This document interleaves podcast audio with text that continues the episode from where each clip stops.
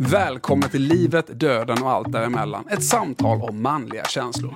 Vi är så stolta över att vi till säsong två har haft en samarbetspartner i Kalmar FF. En klubb som vågar ta samtal på allvar genom sitt projekt Kalmar FF med hjärtat. Vi vill våga ha samtal där alla gäster bjuder på sig själva. Våga berätta saker som de annars inte har valt att berätta. Det manliga samtalet är viktigt. Varför är män överrepresenterade allt som faktiskt är dåligt? Tillit en grund till ett bättre samtalsklimat. Vi vill bidra på vårt sätt och vi vill tacka dig för att du lyssnar. Idag pratar vi med Viktor Elm. Hur är det att vara en stads hjälte? Hur är det att vara en hel stads ankare? Hur är det att vara en tredjedel av trion Bröderna Elm? Hur mycket delar bröderna egentligen vad gäller känslor, karriär och tankar? Viktor har 6,5 år som utlandsproffs i fotboll. Han har spelat i svenska landslaget. Han har SM-guld med Kalmar FF och han har vunnit cupguld i både Holland och Sverige. Vad gör det med en person egentligen? Hur, re hur reagerade Viktor på sina föräldrars skilsmässa? Hur var det att bli proffs första gången? Hur är det att vara den en hel stad stöttar sig på i med och motgång? Detta kommer att bli ett av de mest intressanta samtal vi någonsin har haft. Viktor Elm. 2014 så hände någonting som jag menar är en, en, symbolhandling för den person som jag har försökt lära känna. Genom information från dig och lyssnat på andra och intervjuat en massa människor. Sådär. Ja, du blev pappa igen. Men eh, inte nog med det, det ska vi ta sen. Men, men då bytte det tränare i AZ Alkmaar i Holland från Dick Advokat till Marco van Basten. Eh, och så har du berättat för mig en händelse när eh, ni träffade Marco van Basten. Någon form av tröjnummer-diskussion. Du var en favorit hos Dick som tränare, det har jag förstått. Du spelade mycket och fick mycket förtroende och sådär. Vad, vad hände när barndomsidolen Marco van Basten faktiskt eh, liksom, hade det här mötet? Kan du berätta lite? Det var ju så här att eh, han hade... Vi blev ganska snabbt uppdelade i... Ja, de här kommer spela från start, de här kommer inte göra det. Det var säkert andra träningen. Eh, det var väldigt tydligt. Och han vi tränade inte alltid samtidigt ens, utan han hade ett möte med dem som var tänkta i A-truppen och då var inte vi andra med ens. Och då sa han till dem, ni kommer ha de här tröjnumren. Och så bara skulle han byta från Eh, de de hade då till från 1 till 11. Det är så han ser det. Och som sagt, vi var inte på plats på arenan, vi andra, utan någonting. Utan vi fick höra det här dagen efter. Och eh, eh, då blir jag upprörd liksom och tänker ja den jäkeln liksom han kommer ju behöva oss andra också ganska snabbt för, för att det är ju inte alltid de elva stycken kommer att stå där och spela varje match. Så jag säger till honom att eh, jag har hört det här som har fått mig att eh, må jävligt dåligt och jag vet ju att eh, de, eh, han som har nummer fem och han som har nummer tio de ska helt enkelt bara byta nummer nu för att de inte kommer få spela i, i första elvan.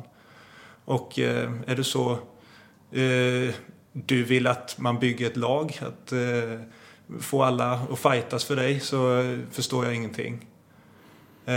Jag tycker det är det dummaste du kan göra. Sa jag till honom när alla satt samlade. Och man blir ju så lite skakig, du vet, för man, man är ju upprörd. Adrenalinet liksom. Precis, mm. och man, ska man våga säga det? Och men jag gjorde det och det blev en liten diskussion och andra tränaren plockade mig åt sidan sen efter. Fan vad bra alltså. Jag älskar när folk pratar från hjärtat. Eh, dagen efter så kommer Mark van Basten in och säger ah, fan, jag gjorde ett misstag. Det var dumt tänkt. Eh, vi struntar i det. Jag kommer behöva er alla. Så att eh, då mådde jag jävligt bra och jag tycker han Marco van Basten är en fantastisk person. Eh, som tränare kanske han inte var den bästa, men han är en fantastisk person. Så Mark van Basten var ju och är en legend på alla sätt och vis. För er som inte kan fotboll i det här läget så är det ju en av de riktigt stora i fotbollens historia. Kan man väl säga utan att överdriva. Ja, jag tror han har två Ballon d'Or va? Ja. Mm. Eh, hur... Kostade det något? Alltså att vara så modig i det läget. Och, och, och prata då som en som inte var tänkt i startelvan redan då, fast man var en startelvan innan. Och du har vunnit cupguld och massa titlar och framgång innan. Eh, tror du att det på ändå kostad eh, speltid under året sen? Eh, nej, det tror jag inte.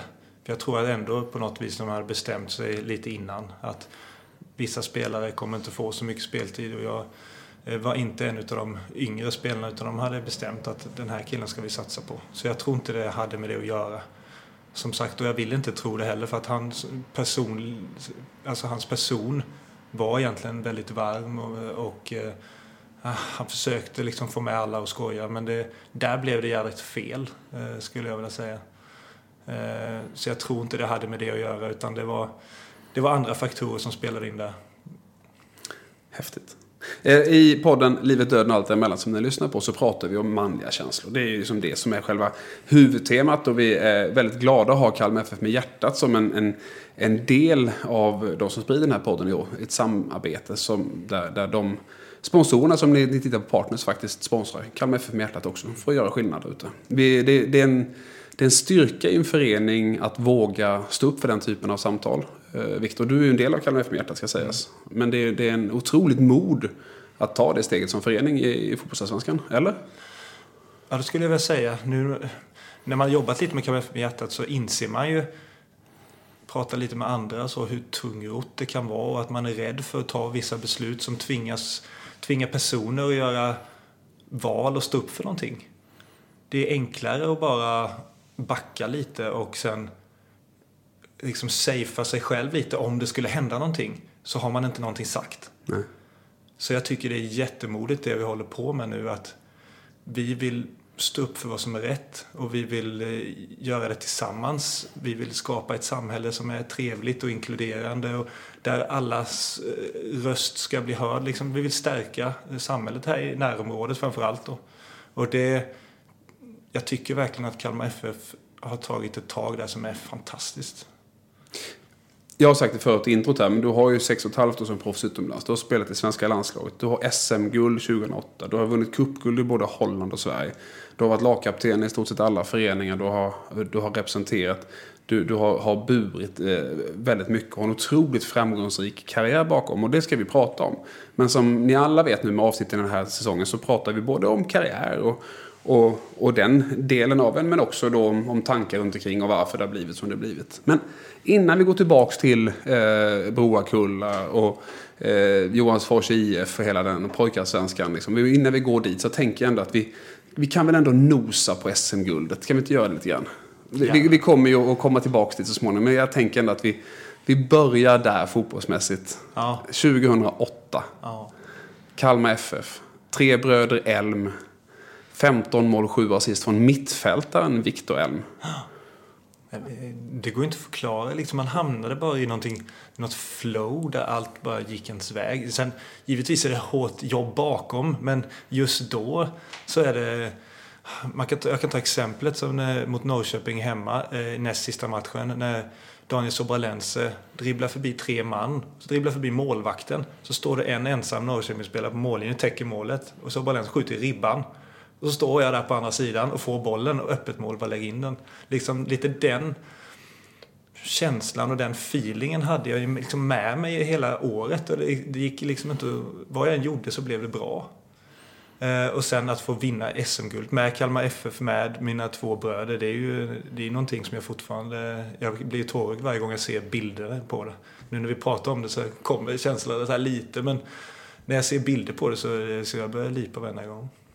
Eh, vi pratar om, om tillit i podden mycket. Mm. Eh, för jag tror att eh, en brist på det manliga samtalet bygger på en brist på tillit. Att våga berätta saker. För man kanske är rädd att det ska outas av någon annan. Eller ja, vi har tillit till varandras liksom, intentioner och integritet och kapacitet och sådär. Hur var tilliten till varandra i, i det laget kontra tillit i lag där det har gått sämre? Den här gruppen hade ändå jobbat länge med varandra. Så jag tror att många kände varandra väldigt väl. Sen givetvis hade vi eh, spelare som har kommit nya och spelare liksom som kom och gick lite. Men stommen i laget hade ju, de kände varandra väldigt väl. Och det är klart, det skapar ju band som också, förutom att man känner tillit så är det ju även att ja, men jag är jag vill villig att gå den här extra metern för just den här personen för jag känner den så väl. Eh, om man jämför det med andra lag där det kommer och går mer och hela tiden och man lär aldrig känna någon och man kommer exempel från olika nationaliteter, olika ställen. då tar det mycket längre tid att lära känna varandra. Eh, och det kanske inte är alls så att man lär känna varandra på grund av att det är så mycket olikheter. Den här gruppen var ju egentligen, förutom de här brassarna som hade sin lilla grupp, så var ju den här gruppen väldigt homogen eh, med spelare som hade, jag skulle säga, rätt så liknande värderingar och liknande ja, inställning till, till livet i allmänhet och rätt så liksom klipska människor. Så att eh, när den gruppen eh, har jag nog aldrig varit med om något liknande sen. Häftigt. Mm. För man tar det som en ytterlighet, vi kommer tillbaka till det när vi går igenom karriären sen, men sen tar man liksom eh, jag tror det var den 6 augusti 2019, Örebro-matchen hemma. Eh, när Kalmar FF då, i en helt annan del av Köping, om man nu ska uttrycka ett sånt begrepp, eh, gör en riktig, riktigt dålig match igen. Resultatet är på väg, man känner att det är risk att åka ur. Eh, du blir intervjuad av, av eh, TV efteråt, du blir framskickad och du faktiskt, alltså, du gråter i TV. Eh, av någon form av känsla som, som vi kommunicerade på kvällen sen, du och jag. Men liksom, det är enorma skillnader i samma förening, samma målbild, samma människa. Hur var det att vara där och då? I Örebro menar du? Mm. Jag vet ju också att där hade ju där hade man också över tid hade blivit någon form av någon tyngd, eh, kanske som jag har lagt på mig själv, eh, på mina egna axlar. Men även lite från, från andra. Eh, att ja, men, du ska vara där, du ska göra, du ska alltid vara bra och du ska alltid se till att de andra är bra. Och sen när jag gör ett sånt misstag i en sån match och jag känner att man känner att man sviker sig själv, man känner att eh, besvikelse överlag, att vi, vi borde kunna mer och borde kunna bättre. Och att, då är det klart att eh, då mår man inte särskilt bra. Och jag vet ju att eh, när man bryr sig om någonting väldigt mycket som, man, som jag gör om Kalmar FF och jag gör om... om eh, jag, ska jag göra Dina lagkompisar och dig ja, själv? Ja. Och ska man göra en prestation tillsammans med någon så bryr man sig verkligen om dem och då, då, det, då blir det känslosamt när det inte alls går som man har tänkt sig. Du skrev någonstans där att, att liksom det blev som att min kapacitet, jag började inse att min kapacitet inte riktigt duger längre, skrev du någonstans. Och så att, att väggarna liksom, det börjar komma mot mig. Liksom det, är, det är fan tufft nu för jag bär, och, jag bär mycket ansvar på axlarna. Sa du inte, men det är ju tolkningen av det. Mm. Och, och, jag börjar känna att fan håller det här verkligen? Hur, hur var liksom tilliten till varandra i gruppen då om vi jämför med 2008? Det är ju stor skillnad, det fattar ju alla. Men mm. varför är det så stor skillnad menar du? Men det är svårt, eh, svårt att säga också. Det är lite så att framgång föder ju framgång också. Och tillit kan man ju bygga på, på flera olika sätt. Men om man får framgång tillsammans så helt plötsligt så får man ju tillit till varandra. Det är ju enkelt. Men det, det är det motsatta också. Så när det går dåligt så, liksom, så, så, så det ju tvivel i varenda hjärncell du har. Eh, och sen vrider man och vänder på saker och då är det klart, har man någon vrider åt det hållet och någon vrider åt det hållet. Och sen så ska man komma överens om någonting när man kanske inte tycker samma sak när det går dåligt. Och då är det klart tilliten är mycket svårare att ha eh, mellan varandra. Om man letar möjligheter. Alla vill väl. Men alla ser på saker olika, olika, från olika synvinklar. Och jag tror det är svårt att... Eh, man letar ju gärna fel när det går mm. dåligt. Och då är det svårt att eh, helt plötsligt att uh, känna tillit till, till de som letar andra fel än en själv. Är det så att, att uh, ledarskapet i, runt gruppen också var väldigt stor skillnad på 2019 kontra 2008 utifrån perspektivet att okej okay, nu blåser det, nu får vi stiga fram för spelarna måste ändå, inklusive dig som är lagkapten, faktiskt få lite frizoner här. För jag upplevde ibland då att, att ni blev liksom, du blev framskickad när det var riktigt, när det var tufft för att du fick ta den rollen liksom. Ja, och sen är det inte, det är inte så att jag jag tycker att är man med lite så här, nu, nu kanske det låter hårt, men är man med i leken får man leken tåla lite. Att det hör till mitt jobb att ställa mig där och, och eh, svara på frågorna. Jag kan inte bara gå eh, in i omklädningsrummet och skicka fram någon annan, utan jag vet att de andra tycker det är skitjobbigt. Det, det är mitt jobb att ställa mig där. Eh, så det är det finns ju många gånger man hade tänkt, jo men fasen kan inte bara någon Romario eller någon ställa sig där. Men så vet jag att nej, de tycker det är tio gånger jobbigare än vad jag gör. Mm. Och då är det, då är det bara, att, bara att göra det. SM-guld och nästan åka ut allsvenskan. Ytterligheter. Eh, samtidigt som vi redan har hunnit få in Dick Advocat och Mark van Basten i samtalet. Eh, en ganska intressant början tycker jag. Här börjar vi se en bredd och jag tror att de som lyssnar och inte känner vem Victor Elm är, som inte bor i Kalmar utan kanske någon annanstans i världen, tror jag har fått en ganska tydlig bild av eh, starten av den vuxna Victor Elm i alla fall. Det var intressant tycker jag som tusan. Eh, ska vi börja om då? Ska vi börja med liksom, eh, 00 pojkarsvenskan, Johansfors IF. Mm. Född 1985, 15 år gammal. För det första hade Johansfors IF ett pojkarsvenska lag eh, år 2000. Ja. Vad det?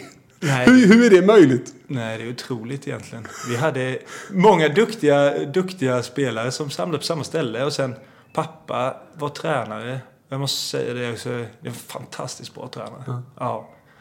Både det här som vi pratade lite om innan vi började här, det här med schackspelet och, och sen ja, låta alla vara med men ändå toppa laget på något sätt. Liksom, han, hade det, han hade det mesta. Mm. Ja, och det gjorde väl att alla utvecklades bra. Liksom sen, en grundtalang på det. Så det är ju fantastiskt att vi lyckades med det. Sen så givetvis vann vi inte alla matcher, men vi slog Kalmar FF de fasen varenda gång nästan tror jag. det är ju helt fantastiskt, eller hur? Var, var, liksom, hur var bröderna i den här, redan den här tiden? Alltså 0 till 15 år. Eh, ni är ju tre bröder, Elm för som inte känner till. Rasmus Elm och Viktor Elm och David Elm. Alla har spelat som fotbollsproffs. Eh, vi har två har varit med i landslaget. Ni var med och vann SM-guld tillsammans allihopa. Ni har haft otroliga karriärer alla tre från lilla Broakulla i, i Småland. Var, liksom, hur var uppväxten för Viktor Elm? Eh, var, var det bara fotboll och idrott eller var det något annat också? Eh, mycket fotboll. Eh, skolan eh, har alltid varit en viktig del. Mamma har varit lärare, alltid tyckt det varit viktigt. Och eh, allt, jag har alltid gillat skolan eh, och lära mig saker och eh, varit väldigt flitig så, så det har inte varit några större problem. Men, men fotboll, skolan, kompisar. Eh, vi hade en fantastiskt bra uppväxt. Jag har egentligen ingenting att klaga på. Väldigt tryggt och väldigt eh, eh stimulerande. Och, eh, vi hade det bra helt enkelt. Mm. Mm. Det är häftigt att höra tycker mm. jag. För det är inte alla som vågar säga det fast man har det. Det, det är lite coolt. Vem, vem var, var det någon som alltid var bättre än de andra två av bröderna?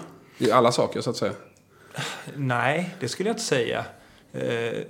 Vi är nog rätt bra på olika saker, lite så. Men Rasmus har väl en grundtalang i väldigt mycket som är väldigt hög. Mm. Ska jag säga. Om han börjar med någonting nytt så tar det ju två gånger för han att bli lika bra som kanske en, en normalbegåvade för, på 20 gånger. Mm. Ja. Han har ju någon form av både kroppslig förmåga och hjärnförmåga som liksom spelar med varandra som bara gör att det går så här snabbt. Eh, och sen David är ju, är ju fantastiskt bra på... Och, han spelade tennis, var bland de bästa i Sverige i sin åldersklass. Han var, har fantastiskt läshuvud. Eh, jag tror han kommer ihåg eh, allt han läser nästan så här. Så att eh, vi, är, vi är bra på olika saker. Häftigt som tusan. Mm. Eh, efter det där så blev du Nybro IF. Mm. Eh, och juniorsvenskan. Mm. och sen ganska snabbt upp som 18-åring i, i, i A-laget, första säsongen i division 3. Hur, hur var det att, att vara ung eh, talang i Nybro eh, på den tiden? Eh, ja, men det var eh, rätt så bra. Det är egentligen det är lite andra tiden då. Det var ju lite tuffare omklädningsrumsklimat på den tiden eh, skulle jag säga än vad det är. Nu försöker man, eh, nu är man väl medveten om de här strukturerna som är. Och förr i tiden var det mer accepterat att det var lite eh, macho. Det är klart man sa inte många ljud i det där omklädningsrummet eh, när man kom upp och det var ju rätt så tufft skulle jag säga. Hon klagade och det var många som misstri- eller vantrivdes i, i den både på planen och utanför planen vet jag. Sen så eh, inget ont om någon egentligen men det var så det var och det är ju hemskt att behöva inse det sen att det hade kunnat vara betydligt annorlunda. Men fotbollsmässigt för mig så var det ju ett väldigt bra steg att ta och komma upp där det var fysiskt eh, tufft. Och jag har, alltid varit, jag har alltid varit ganska säker i mig själv så jag, jag led inte så mycket utav, utav eh, det där snacket. Och det, där, därav drabbades jag nog inte heller på samma sätt som vissa andra. Var det en bra miljö? Alltså, det, det är ju många idag som har väldigt bråttom utifrån talangperspektivet. Och säga, så man vill gärna vidare och man vill upp i allsvenskan. Och man, man ser sig nästan som, som misslyckad om man inte spelar i allsvenskan som 19-20-åring. Eh, vad har du för reflektion på det? Jo, men det tror jag jättebra eh, att få eh, vuxenmatcher tidigt. Mm. Men sen så, jag vet ju att tiden har förändrats. När jag ser bilder från 2008 på, på eh, eh matcher så ser jag att det är ju inget vidare. det, det tycker jag inte. Eh, och jag vet nu att scoutingen är mycket mer utbredd. Är du en bra 13-åring så är du i en elitklubb tidigt. Eh, på Halmstadläget eh, när jag var 15, det var ju majoriteten var ju inte från en storklubb. Så det har ju hänt saker som har påverkat hela det där och nu är det nästan omöjligt att gå eh, från eh, vara pojklagsspelare i en lite mindre förening till upp i A-laget sen flytta vidare. Så man måste, måste nästan in i de här stora föreningarna tidigt och det tycker jag är synd. Eh, men som sagt, scoutingen är bättre och då hamnar de bästa spelarna ofta tidigare i dem, i elitföreningarna. Sista steget innan vi går till, till Kalmar så småningom blev ju Falkenberg för dig i Superettan. Mm. Eh, hur var det att flytta hemifrån? Eh, stort. Med rätt så hemmakär över, överlag. Så här, svårt, eh, lite konservativ. Så här, gillar inte när det blir för många saker som är nya för snabbt. Så flytta hemifrån första gången, det var lite jobbigt. Eh, verkligen.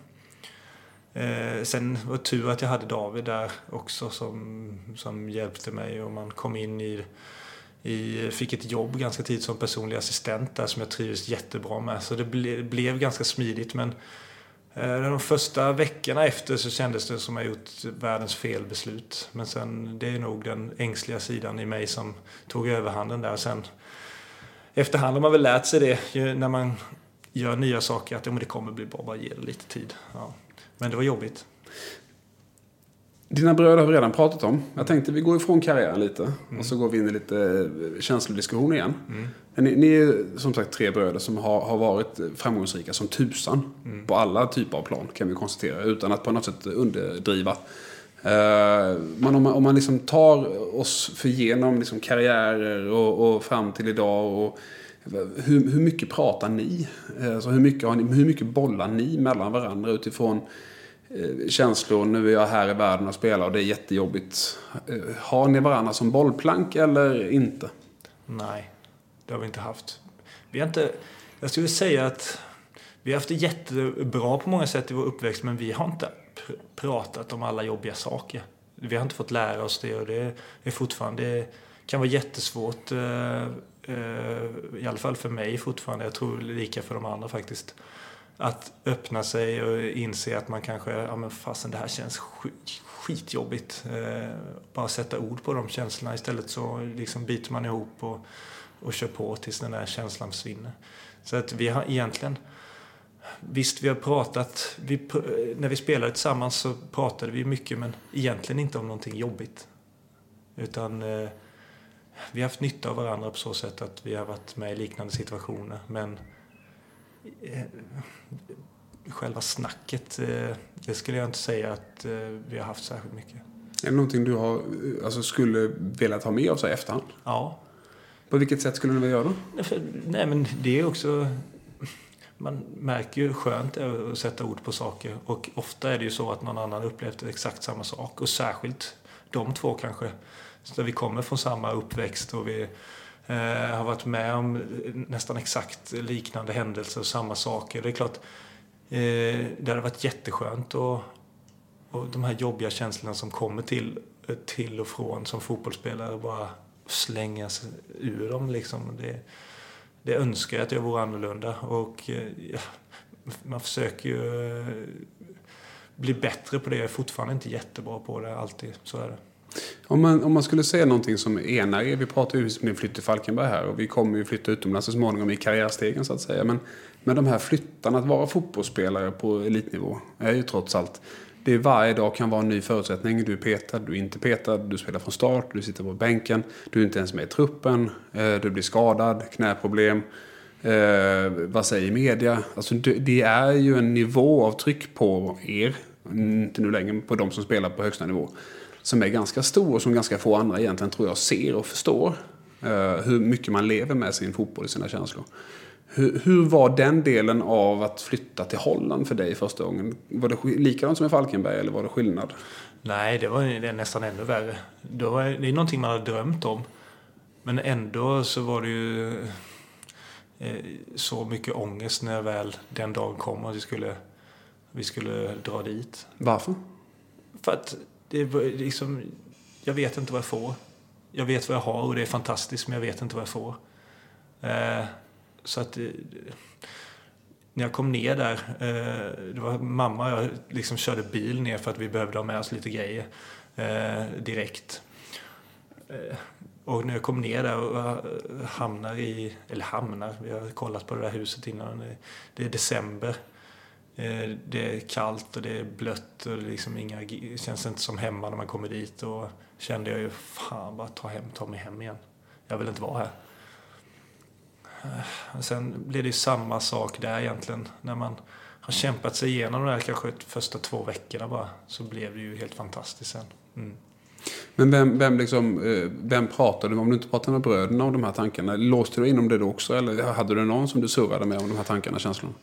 Nej, men då hade jag precis träffat eh, Emma också, min fru. Mm. Så att, eh, då, och sen mamma kunde jag ju prata med också för det blev ju rätt så påtagligt när jag kom ner där och hon var med. Att, vad fan, det här, vad, vad, vad har jag gjort liksom? Mm. Eh, eh, så att jag alltid, just de bitarna kanske jag har kunnat säga att, eh, fan vad jobbigt. Ja. Hur är en dag för ett fotbollsproffs när man kommer ut? Jag menar, du var ju inte jättegammal ändå. Uh, alltså, hur, hur, hur, ser, hur ser en vecka ut? Och, hur ensam är man om man då inte har en Emma? Uh, nej, men på så, vis, ja, men på så vis är det ju bra utomlands för där kommer ju näst, nästan alla spelare kommer från andra ställen. Mm. Så det blir ju en gemenskap efter en stund liksom som man hamnar i som är i mitt fall där i Heren för exempel där vi hamnade i ett gäng med skandinaver som liksom som jag har fortfarande kontakt med dem. Det blev det så superbra. Eh, så att jag kände mig egentligen aldrig ensam eh, vidare sen. Och sen flyttade Emma ner efter ett tag. Eh, och egentligen så är det kanske den bästa tiden i våra liv. För vi har skaffat så många fina vänner. Vi lärde oss att stå på egna ben, vi lärde oss nytt språk, vi lärde oss liksom så mycket nya saker. Så det var Eh, från att den här ångesten som bara gjorde att man ville åka hem till liksom se tillbaka på det kanske som nästan den bästa tiden i, i, i livet som vi har haft ihop, jag och Emma. Fan, häftigt. Mm. Coolt. Bröderna, lite tankar runt flyttar. Vi har gått igenom liksom, A-sättet, vi kommer tillbaks dit. Tillbaks från Falkenberg så kom du till Kalmar FF. Mm. 2006. Eh, där började resan mot allsvenska guldet, så kan man säga. Mm. För det är väldigt tydligt att man läser det du skriver och det man följer så kändes det, så 2006-2007, det var verkligen liksom, okej okay, vi skapar något stabilt. 2007, vi vinner Svenska Kuppen Första titeln på, alltså ja. Och sen då 2008 SM-guldet. Hur var det 2006 när du kom tillbaks från Falkenberg? Då har du gått liksom pojklag, juniorsvenskan, division 3, division 2, superettan och sen var du nu i allsvenskan. Mm. Nej, men det var ju häftigt. Det var ju också, gick ganska snabbt. Eh, jag var ju bara ett år i Falkenberg. Sen gick det snabbt till Kalmar. Och sen... Eh, eh, jag kommer ihåg det blev en sån här skiljedomstol mellan Falkenberg och Kalmar när jag skulle gå över. Så det blev lite känsligt. Jag kom till Kalmar när vi skulle åka på träningsläger. En månad efter de andra hade startat. Och då, då var ju Rasmus där, så det var ju en trygghet i sig. Även om han var bara en liten pojk då på den tiden. Men då, det är lite samma sak igen. Då kommer man lite osäker. Men då hade jag ändå en annan trygghet i mitt fotbollsspelande på något sätt. Att jag kände att jag, jag, det här klarar jag mm. Eh, och jag är rätt bra. Det dröjde inte särskilt länge förrän jag fick spela ganska mycket i Kalmar FF eh, också. Och man märkte ju direkt att det var... De hade rätt höga krav på varandra i Kalmar då. Med tanke på att vissa hade varit med om eh, saker, liksom, eh, hade erfarenheter från fotboll på andra ställen. Eh, men ändå kände de varandra så väl så de ändå kunde säga, men vad håller du på med? Eh, med kärlek på något sätt. Eh, Och det är väl lite så här, den La Manga-filmen som spred sig. Det är, liksom, det är lite kännetecken för hela grejen. Liksom, det är hjärtligt men ändå så höga krav. Det är en klassiker. För er som inte har en aning om vad La Manga-filmen är så måste det finnas på YouTube någonstans fortfarande. Ja, det gör det säkert. Eh, klassisk dokumentation från eh, träningsläger på La Manga. Men eh, så att det var egentligen ganska enkelt att komma in i det.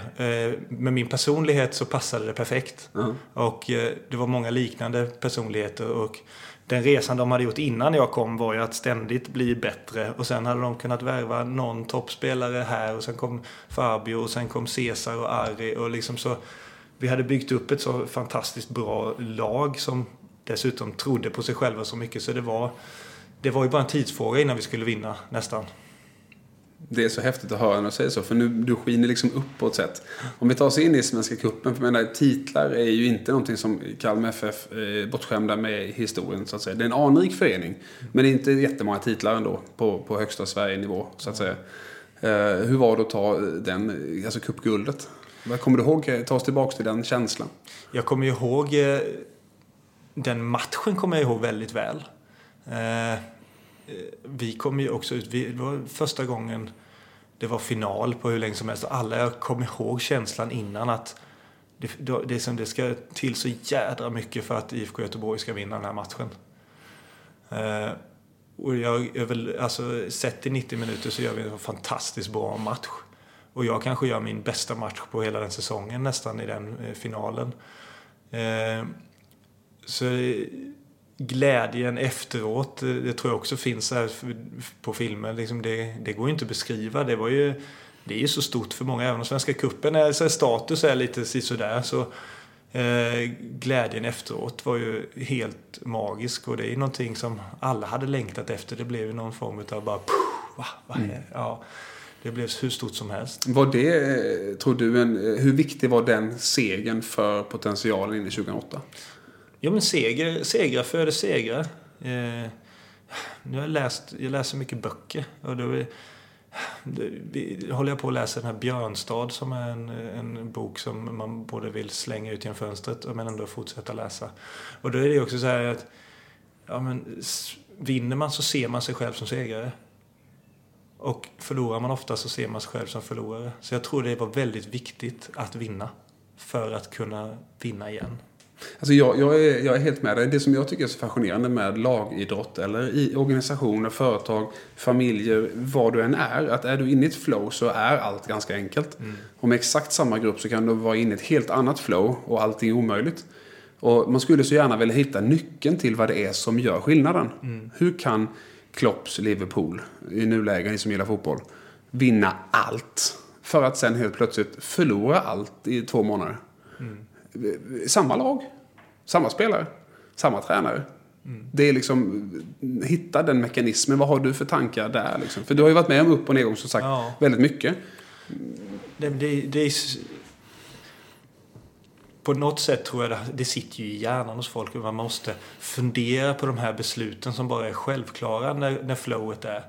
Att egentligen så, så borde jag liksom vara först där. Men helt plötsligt behöver du tänka på att vara först där. Och när det är ett flow så bara händer det. det går inte, jag, jag kan, kan inte förklara det heller. utan det, det sitter ju i hjärnan och som sagt, så man minsta lilla tvivel någonstans så växer de. Eh, det är ju hemskt och det är någonting som alla ungdomar, alla fotbollsspelare, alla som håller på med idrott, eh, alla egentligen skulle behöva lära sig och reflektera över på något sätt. Att tvivel är ju inte, de är inte större än vad du gör dem egentligen. Vi brukar prata inom Enso på att man ska definiera störningsmomenten från resultat. Eh, två motivationsfaktorer till och bortifrån. Jag är tacksam över att jag får vara med i det här. Jag vill inte känna känslan av det här.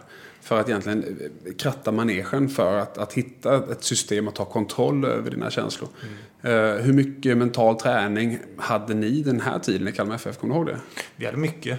Ja. Vi hade mycket, särskilt visualisering med Nanne som hade väldigt snöat in på Lars-Erik Unestål. Mm. Och att, Affirmation. Precis, och att man ska se sig själv vara stark, man ska se sig själv vinna dueller, man ska se sig själv. Så fick vi ligga efter, på ett golv efter träningarna till avslappnande musik för då kan man lättare få upp de här bilderna i huvudet och ta till sig dem, lura hjärnan helt enkelt. Hur var det 2019-2020? Hur mycket mental träning körde ni då? Nej, men vi körde, med 2020 körde vi med Nanne när han kom Ja. tillbaka. Eh, och byggde upp det under försäsongen. Sen så glömde vi nog av det lite under själva säsongen sen. Eh, och jag tror... Eh, Nanne är också en, en, en känslomänniska, även om man inte tror det. Så han också kan ibland dras med i det dåliga och så tvivel hos sig själv och helt plötsligt, nej vi måste göra så här. Och då blir det en osäkerhet hos spelarna. Så, Det är ju det här jag menar, paradoxen är så intressant. Vi har samma tränare. mm, Vi har eh, samma lagkapten. Nej, det är inte riktigt. Det var Henke 28. Men, Mm. men vi, vi är som samma. Eh, några är faktiskt kvar. Och vi, vi har samma upplägg. Men så ofantligt olika resultat ändå. Nu är det skillnad i spelare, material och mycket annat också. Men, men ändå att man inte håller i det. Jag tycker den, den diskussionen är lite spännande faktiskt. Nej, men det, är- det är lite samma där tror jag. Det, ja, men, då börjar han, tränaren helt plötsligt tänka att ja, fan, gör jag rätt nu? Och sen inför en match så bara, nej, jag tror att vi måste ändra. Och så har inte vi hunnit träna på någonting och så bara slängs vi ut. Och så blir det till exempel mot Norrköping hemma, vi förlorade med 2-0. Vi ändrar taktik precis innan matchen. Även att vi har tränat på något annat. Bara för att, nej, jag tror att det är bäst.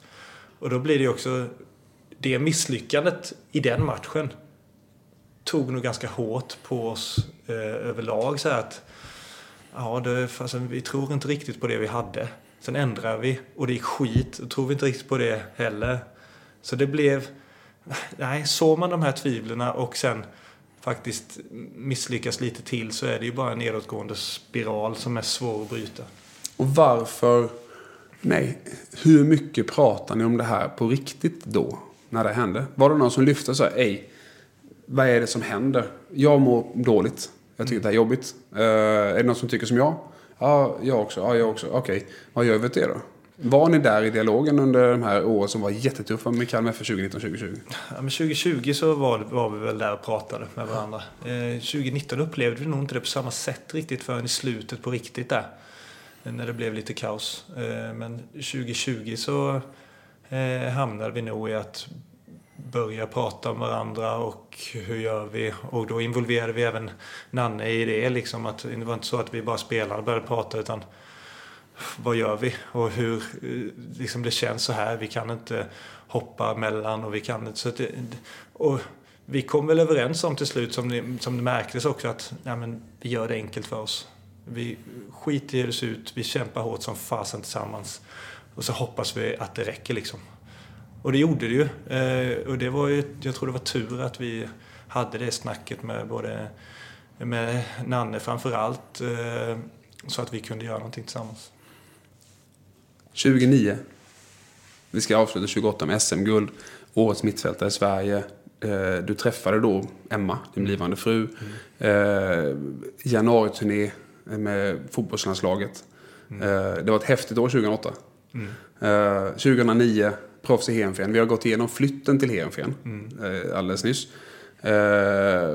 Landslagsuppdrag med, tillsammans med bror Rasmus igen. Riktiga landslaget så att säga. Ja. Eh, du vinner kuppen i Holland. Eh, du gör debut i Europa League. Vilket år. Det också. Ja.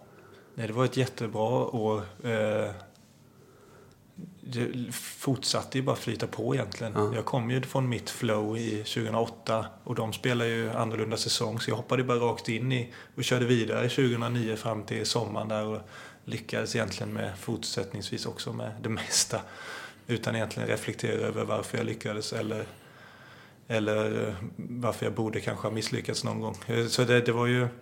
Det var flowet som vi säger. Häftigt. Mm. 2012 så eh, blev du värvad av AZ Alkmaar. Mm. Hur var det? Nej, det var ju också... Rasmus var ju AZ. Eh, anledning till att jag... jag I och för sig visste jag att han förmodligen skulle lämna, men jag visste att det var en bra, eh, bra klubb. Eh, och att det var många... De hade, ville mycket och ville ligga i toppen. Och hade bra spelare. Eh, Heerenveen hade ju ändå gjort det ganska tydligt trots att jag kanske gjorde min bästa säsong i Heerenveen sista året att vi är liksom, nej, vi, vår ekonomi börjar bli sämre, vi, har inte, vi måste göra oss av med många spelare. Så det var lite vemodigt i sig. Men eh, när AZ dök upp så kändes det riktigt bra direkt och det var nära Heerenveen. Det blev liksom inte den här stora flyttångesten som har varit innan. Den blev ju inte alls. Nej. Utan det blev ju bara bra direkt. Ja. Så det kändes bra. Häftigt. Mm. Och sen så har vi ju faktiskt redan gått igenom också eh, lite tränarbyten där och, och att du då lite blev åsidosatt Mm. på något sätt på, på slutet i den tiden i AZ. Ja. Hur tog du det som människa liksom? Utöver att det, vi, vi pratade lite grann om förut, men hur, hur kändes det att, att liksom... Var kände du så här, är min karriär slut nu? Nej, det gjorde jag inte. Jag hade nog rätt så bra tro på min egen förmåga, men det var väldigt jobbigt. På vilket sätt då? Från att vara van vid att spela nästan varenda match till att helt plötsligt så tydligt känna att nej, jag kommer nog inte, jag kommer nog inte spela här. Eh, Så då börjar man ju... Först blir jag ju förbannad och kämpar som fan. Och ser till att, eh, att jo, men vi kommer nog behöva honom. För det var ju, vissa skickade de utav dem som jag hamnade med först. Som Denny Avdic och Willy Overton, Donny Schorte som, som hade spelat varenda match också innan nästan. De skickade de ju bort till andra. Men min första instinkt är bara fan, nej du, jag ska visa de jävlarna att jag är, att jag är bra. Mm. Så jag kämpade mig tillbaka och var en del utav dem ändå som spelade. Jag spelade tror jag ändå 22 matcher något innan jag flyttade hem. Men det var ju inte många som spelade från start. Nej. Så, men jag hade fortfarande en ganska stark tro på min förmåga. Och, men samtidigt så var jag ju, som fotbollsspelare vill man ju spela matcher. Eh, B-lagsmatcherna i Holland, eh, inte, det är inte jättemånga. Eh, vid den tiden var det inte. Och kvaliteten var väldigt varierande. Så det jag kände att det gav mig inte så mycket, så jag letade ganska aktivt efter någonstans att ta vägen. Och det dök väl upp lite, men sen när, när Bostam ringde så kände jag fasen, det är nog det är nog ändå dags när man har två barn och alla där hemma längtar efter en. Och då vet man att... Var det ett rätt beslut så efterhand? Att flytta hem då 2015? Nej, inte, inte alls. Nej. Utan som sagt, vi letade ju ganska aktivt efter... Var det ett rätt beslut? Nej, det är så här, men titta tillbaka på det. Eller skulle du gjort en runda till om du har tänkt sådär, nedans jag har ångrat det denna gången, jag skulle ha gjort ett varv till. När jag tänker på det så efterhand så kan jag ångra eh, vissa saker. Inte kanske just vid den ti- tidpunkten, men jag kanske kan ångra efter Heerenveen-året att jag gick till AZ. Mm. När jag hade alternativ i, i Bundesliga och sådana här saker som jag bara... Emma och jag sa bara, fan då, de sover på hotell innan varje hemmamatch. De åker på träningsläger och är borta liksom fem veckor varje år. Vill vi det?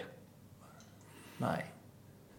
Eh, men beslutet att flytta hem eh, har jag väl inte ångrat egentligen någon gång. Det är intressant att säga. Har du, har du och Emma tillsammans sagt så här, vad hade hänt om vi flyttat till Tyskland istället? Alltså, har, har ni diskuterat det efteråt? Så? Nej, men nej, det har vi. Men det är ju... Vi har ju alltid gått på den magkänslan, det som har känts bra. Och vi har ju diskuterat varje gång du är på väg att byta någonting så har vi diskuterat länge. Och så får man väga så här, ja men fan, fan här är rätt mycket pengar. Mm. Ja, här är lite mindre, eller rätt mycket mindre pengar. Sen, men känslan är här, där. Och den är så där, där och jag, vi kommer vara ifrån varandra ganska mycket. Vi har barn, inte skitroligt. Så att vi har ju diskuterat efteråt, ja, men när Dynamo Moskva dök upp, skulle vi ha flyttat dit med tanke på att då hade vi haft så my- jättemycket pengar. Mm. Men sen har jag ändå kommit fram till att nej, vad skulle vi gjort där i ett, Mm. tre år? Eh, det var liksom inte, egentligen inte något alternativ. Spännande. Vilken relation du verkar ha. När jag pratar om, om dig och din familj så är det ju Emma är ju en väldigt, väldigt viktig del av dig. Och sen har vi ju tre barn då ju. Som, som är olika som tusan som allas barn är. Och du berättar med dem med sån kärlek. Och du har skrivit topp top tre så är familjen liksom etta hela tiden. Med, med liksom eh, Hugo, Fiona, Colin och, och Emma. Vad, vad har Emma betytt i ditt liv för dig? Nej, men massor. Eh, hon har lärt mig att tro på mig själv mycket mer än vad jag gjorde innan. Liksom, jag tror att alla som har sunda värderingar och vill andra, andra väl behöver... eh, eh, när man inte är van vid att prata så mycket eller säga sin åsikt så behöver de personerna någon som säger till en, jo men kom igen nu. Alltså du är så bra, du måste liksom eh, prata. Du måste få din röst hörd för att du har så mycket bra att säga. Och den personen har hon verkligen varit för mig. Det kanske hon ångrar lite idag när, vi ska, när, hon, när jag ska lägga mig i vissa saker nu. Eh, så hon tycker nej, så här gör vi. Men säger jag nej, så kan vi inte göra. Eh, men eh, eh, jag tror att hon har lärt mig väldigt mycket om, om om att vara stark i sig själv. För det, det är ju hon utan dess lika. Mm. har det någonting att göra med, för i botten två så har du skrivit överst också en familje, familjesak. Eh, dina föräldrars skilsmässa. Mm. Och, och, det är väldigt tydligt när vi pratar att du, du bollar ju mellan känslorna här. Uppväxten var fantastisk men också, ja men vi pratade inte om vissa saker och bla bla bla. Och sen så, du var ju vuxen när skildes men det tog dig väldigt hårt ändå. Och sen har du Emma där samtalet är väldigt öppet och barnen och kärleken. Alltså finns det något samband i de två diskussionsämnena? Jag tolkar det så när jag, när jag tittar på det och pratar med dig. Eh, uh, ja men det gör det väl. Uh, jag tycker det är jobbigt. Uh, liksom, ens föräldrar är ju ändå ens föräldrar och man, man tänker liksom att det ska vara lite, som, som jag sagt innan, jag är en sån som vill att det ska, gärna ska vara som det alltid har varit. Sen så efterhand så inser jag väl också att det, det, det var nog inte så dumt kanske det som hände, men det tog väldigt hårt på mig. Och känslor liksom som hände, som uppkom i det också blev fel eh, åt olika håll och många hade av oss hade det jobbigt och det blev liksom en liten en soppa lite. Och jag kände ju, vet ju under den perioden i min karriär så det är enda, enda gången jag har behövt använda någon utomstående för att verkligen kunna fokusera på rätt saker vid rätt tillfälle, förstår vad jag menar. Mm. Det, var, det här upptog mina tankar eh, liksom hela dagarna. Även att jag inte kunde göra någonting åt det. Vad tänkte du då? Att man börjar med att eh, skylla på sig själv. Eh, alltid lite, för jag, eh, man vet saker som man kanske har sagt när man har menat väl, men kanske inte, det kanske inte blev så bra. Eh, och då börjar man genast reflektera över vad, vad man egentligen har, har sagt. Och det, eh, kan det bero på någonting eh, jag eller någon annan har, har gjort? Eller liksom, det blev bara fel eh, i min hjärna verkligen. Det var, det var jättejobbigt. Um, när vi är inne i den liksom familjedelen, så pratade, eh, vi pratade om bröderna förut, att ni inte pratade jättemycket. Pratar ni under den här tiden någonting om det som hände där? Eh, lite, eh, men fortfarande tror jag relativt lite mot vad, vad normen är, tror jag. Utan med alla, det är lite samma där. Man förväntade sig nog lösa saker lite på egen hand. Och sen så ringer pappa därifrån och mamma därifrån och liksom det blev inte, nej det blev inte bra. Mm. Nej. Ska vi hoppa tillbaka till 2015 igen? Och köra lite fotboll? Ja, kan vi göra. Jag ser på det, vi, vi, vi kör den. Uh, hur var det att komma hem? Uh, du blev väldigt hyllad i slutet här. För vi ska, om vi ska Kalmar FF åren 2015-2020 så var det en berg dalbana med relativt mycket motgångar kan man konstatera ändå. Mm. Där du på något sätt var obelix för hela stan, eh, som jag sa någon gång. Att, uh, oavsett vad så är jag stark och står där så. Men du kom hem till Kalmar 2015 efter sex och ett halvt år utomlands som proffs. Mm. Då har du upplevt en massa intressanta saker. Du blev väldigt hyllad som den eviga liksom, number one här hemma mot 2020 och även 2019 faktiskt ju. Eh, I, i, i motgången där du stod upp stark och faktiskt räddade tillsammans med dina lagkamrater kvar föreningen Allsvenskan två år i rad. Hur var det 2015? Nej men det var ju annorlunda. Det var ju helt... Också förväntningarna var ju annorlunda. Vi hade ett väldigt bra lag. Eh, måste jag säga. Eh, jag kan ju inte säga att jag kom hem och kände någon prestationsångest så men svensk fotboll och holländsk fotboll är väldigt annorlunda. Eh, och med mitt bagage som jag har haft den säsongen innan, med lite, lite tvivel, men, eh, och ändå en rätt så mycket försämrad fysisk förmåga mot vad jag haft innan. För man, man tänker inte riktigt på det när man eh, jag tränar varje dag. Men jag spelar egentligen inga matcher. Nej. Nej. Sen kom hem och slängs, jag tror det är dagen efter, slängs in i, i premiären Eh, från start. Och att, eh, det gick väl helt okej okay, liksom, men efteråt så liksom kroppen eh, gör så ont, knät svullnar. Eh, jag har ont i ljumskarna. Liksom. Sen kommer nästa match ganska tätt igen. Och spelar, har inte spelat på länge. Och till slut så, så var jag inte särskilt bra eh, det året. Utan det gick väldigt mycket så här. Jag kunde göra jättebra matcher och sen kan jag göra jättedåliga matcher. Eh, min fysiska förmåga och det här lilla tvivlet man ändå hade i hjärnan efter att ha blivit åsidosatt ganska ordentligt eh, gjorde väl att, eh, att det inte var ett toppenår direkt så. Det var, det var, det var rätt jobbigt för man vet själv att man kan betydligt bättre. Hur, hur togs du emot det hemma? Kände du att du blev liksom hyllad när du kom hem eller fick du kriga lite för det? Nej, det var nog, eh, det var nog positivt eh, mm. det mesta. Så det var inte... Det har jag väl ingenting och jag kommer, jag kommer inte riktigt ihåg men det blev väldigt, eh, det var väldigt uppskattat vet jag. Och, mm. De man pratade med var ju väldigt glada och nöjda att man var hemma. Och, och så att jag har lite svårt att minnas eh, eh, om jag ska vara ärlig. Eh, jag, färgades i alla fall av att jag hade den säsongen personligen var väl inte mer än okej okay, kan jag känna. Och sen opererades jag efter säsongen och, och den fysiska förmågan liksom återställdes lite då när jag fick en försäsong. Så på något vis så är det en säsong som man vill glömma lite. Mm. För att det blev sådär. Men ta oss igenom 2016, 2017 och 2018 också då. Mm. Ja, men då opererade, jag opererades på, efter 2015 och skolades om till mittback. Eh, missade hela första halvåret för jag som sagt opererades.